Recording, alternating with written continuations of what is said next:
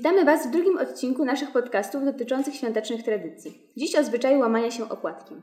Najważniejszy moment Wigilii to spożywana w rodzinnym gronie uroczysta kolacja, a rytuał niezmiennie ją rozpoczynający stanowi dzielenie się opłatkiem.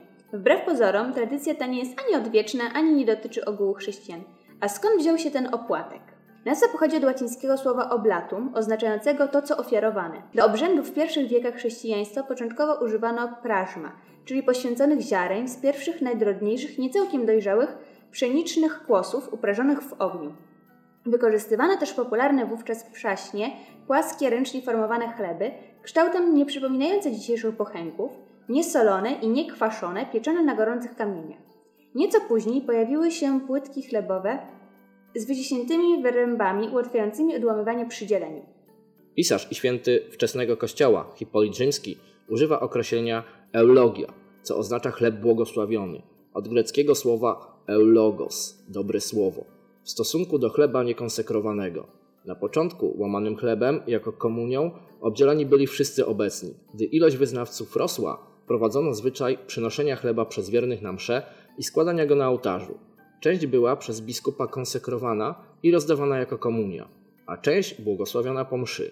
Eulogie były rozdawane wiernym i zabierane do domów dla tych, którzy we mszy nie uczestniczyli, na znak duchowej jedności i chrześcijańskiej miłości. To rozróżnianie rytualnego chleba przyjęło się w Konstantynopolu i w Kościele Wschodnim, a w VI wieku obyczaj ten rozprzestrzenił się na tereny Galii, Italii i Niemiec. Pierwsi chrześcijanie spotykali się na wspólnych posiłkach, początkowo połączonych z Eucharystią, nazywanych agapa, od greckiego agape, oznaczającego miłość. Miały one zacieśniać więzy między współwyznawcami. W imię religijnego braterstwa dzielono się podczas nich także eulogiami. Religijne uczty zasadniczo do VII wieku, ale mimo tępienia go przez późniejsze duchowieństwo, gdzieniegdzie gromadziły wiernych jeszcze w późnym średniowieczu. Nawet w dzisiejszych czasach agapy w unowocześnionej formie są popularne wśród niektórych grup chrześcijańskich, np. w kościołach ewangelikalnych. Można by śmiało rzec, że i polska wigilijna wieczerza ma z nimi wiele wspólnego. Z czasem eulogie zaczęli przysyłać sobie biskupi, a później także kapłani posyłali je wiernym wraz z listami, które zawierały życzenia. A stąd też tylko krok do opłatkowego zwyczaju. Prześny chleb stosowany był w ofiarowanych obrzędach chrześcijańskich jeszcze w czasach panowania króla Franków i cesarza Karola Wielkiego 742-814. Jednak dekrety tzw. Tak synodów karolińskich spowodowały zmianę zasad.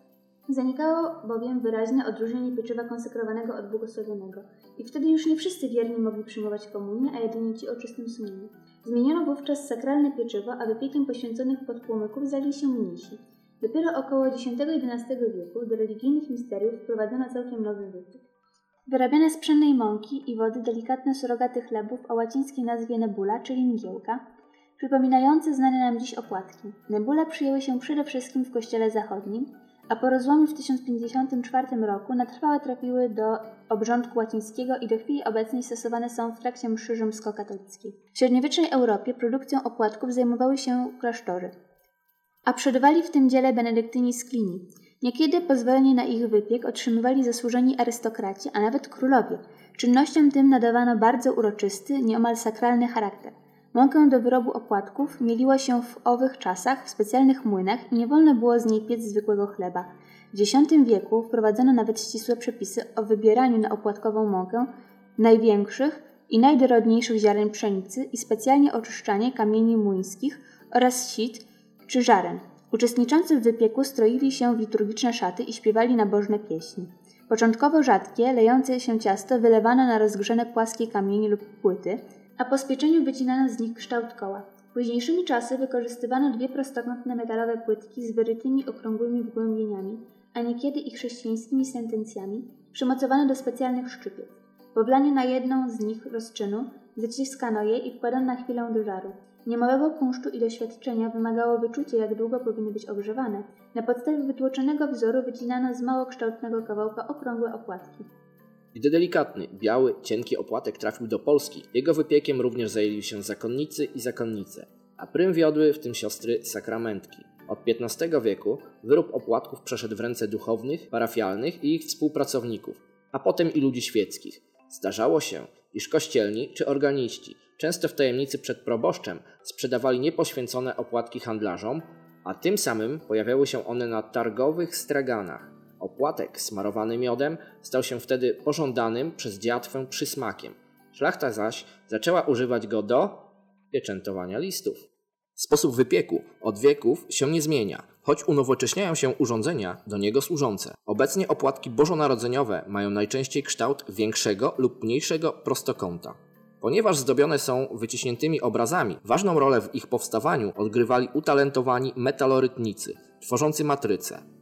Dziś na opłatkach pojawiają się zazwyczaj scenki nawiązujące do wydarzeń z betlejemskiej stajenki, a więc święta rodzina, hołd trzech króli czy pokłon pasterzy.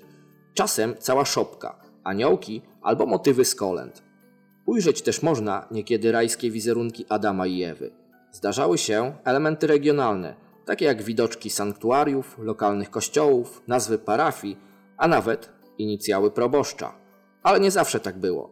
Dawniej częstymi tematami zdobień były pałace, dworki, herby, korony czy ornamenty roślinne, a zatem motywy całkiem świeckie.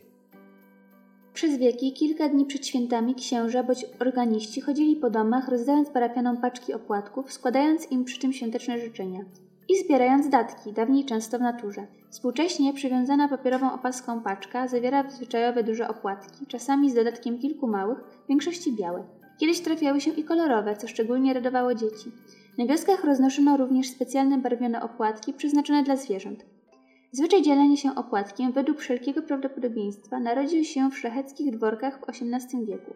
Potem szybko rozprzestrzeniał się wśród mieszkańców miast i wsi leżących na obszarze niemal całej Polski. Świadomie lub nie, nawiązywał on jednak do pradawnych obyczajów słowiańskich. U naszych przodków bowiem przełamanie się z kimś chlebem stanowiło formę zawarcia swoistego przyjacielstwa. Trzeba zaznaczyć, iż przez wieki wierzono wśród ludu, że chleb to pokarm tak wyjątkowy, iż nie należy go traktować nożem. Jeżeli gospodarz łamał z gościem chleb przy stole, zobowiązywał się tym do roztoczenia nad nim szczególnej opieki, nie tylko zapewniał mu strawę i dach nad głową, ale także bezpieczeństwo.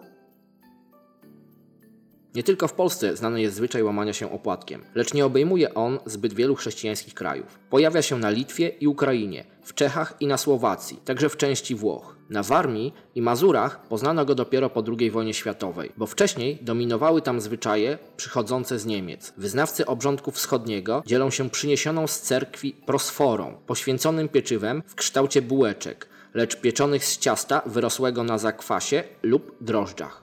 W Wigilię opłatki umieszczano na honorowym miejscu na stole, na talerzyku, białym płótnie lub sianku. Czasem wtykano je w stojący w kącie snop zboża. Na początku kolacji zawsze brał je do ręki gospodarz lub najstarszy z mężczyzn i obdzielał wszystkich obecnych. Dawniej przy dzieleniu się opłatkiem wypowiadano zazwyczaj proste, wyuczone formułki. Boryna z rejmontowskich chłopów, łamiąc się z domownikiem opłatkiem, słyszał życzenia aby wam się darzyło jako w polu, tak i w komorze.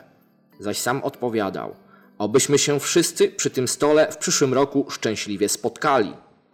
A mogło też być coś bardziej podniosłego w rodzaju dzielimy się chlebem anielskim, byśmy się spotkali w Królestwie Niebieskim. W chłopskiej chacie niekoniecznie każdy każdemu składał życzenia – Częściej miało to miejsce w szlacheckim dworze, gdzie jak pisze Niemcewicz, każdy z obecnych biorących opłatek obchodził wszystkich zebranych, a nawet służących i łamiących go powtarzał, bodaj byśmy na przyszły rok łamali go ze sobą.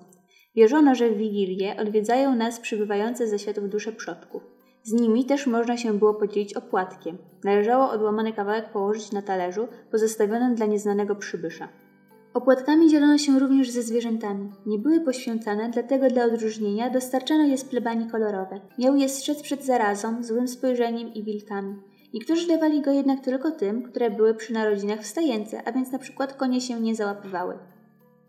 Polska jest z pewnością jedynym krajem na świecie, w którym opłatki spełniały tak wiele funkcji. Używane były zarówno do celów liturgicznych, jak i świeckich, magiczno-obrzędowych oraz artystycznych znajdowały na przykład szerokie zastosowanie w tradycyjnych dekoracjach świątecznych i to zarówno w chatach, jak i we dworach. Jeszcze na początku XX wieku, w okresie Bożego Narodzenia, opłatkowe ozdoby przystrajały wiele polskich domów. Z delikatnego, kruchego, półprzezroczystego opłatka wprawne ręce potrafiły wycinać prawdziwe cudeńka. Od prostych krzyżyków do pięknych, ażurowych gwiazdek, a nawet przestrzennych, kulistych form, zwanych światami – tworzonymi z krzyżujących się elementów spajanych śliną. W potrzebie potrafiono opłatkowe ozdoby barwić naturalnymi substancjami, np. sokiem z buraków. Opłatkom przypisywano wiele magicznych i leczniczych mocy. Przechowywane w domu zapewniały mu spokój, dostatek i Boże błogosławieństwo, a w dodatku chroniły od piorunów, pożaru i wszelakich nieszczęść. Domowe zwierzęta opłatek zabezpieczał przed wścieklizną, a gdy zachorowały, okadzano je opłatkowym dymem. Dzięki spożytemu opłatkowi krowy miały dawać więcej mleka, kury lepiej się nieść, a pies czujniej pilnować obejścia. Okruch opłatka wrzucony do studni miał oczyszczać wodę, a pijący ją ludziom i zwierzętom zapewnić zdrowie i siłę. Kto się przyłamał opłatkiem, miał zapewniony chleb przez cały rok i mógł się dzielić z innymi. Kto zgubił drogę do domu, powinien przypomnieć sobie, z kim ostatnio łamał się opłatkiem, a drogę odnalazł. Na kresach uważano, że opłatek posmarowany miodem zapewni słodkie i dostatnie życie. Na podchalu kawałki opłatka podkładano pod talerze. Gdy się przykleiły do dna, znaczyło to urodzaj roślin, z których przygotowywano potrawę. Przełamujmy się więc opłatkiem z bliźnim, jak nakazuje odwieczny obyczaj. Ze zwierzętami jednak uważajmy, bo jeśli jest prawdą, że opłatek wywołuje u nich mówienie ludzkim głosem, to mogą nam powiedzieć coś, czego wcale nie chcielibyśmy usłyszeć. Dziękujemy za wysłuchanie naszego podcastu i zapraszamy do następnego.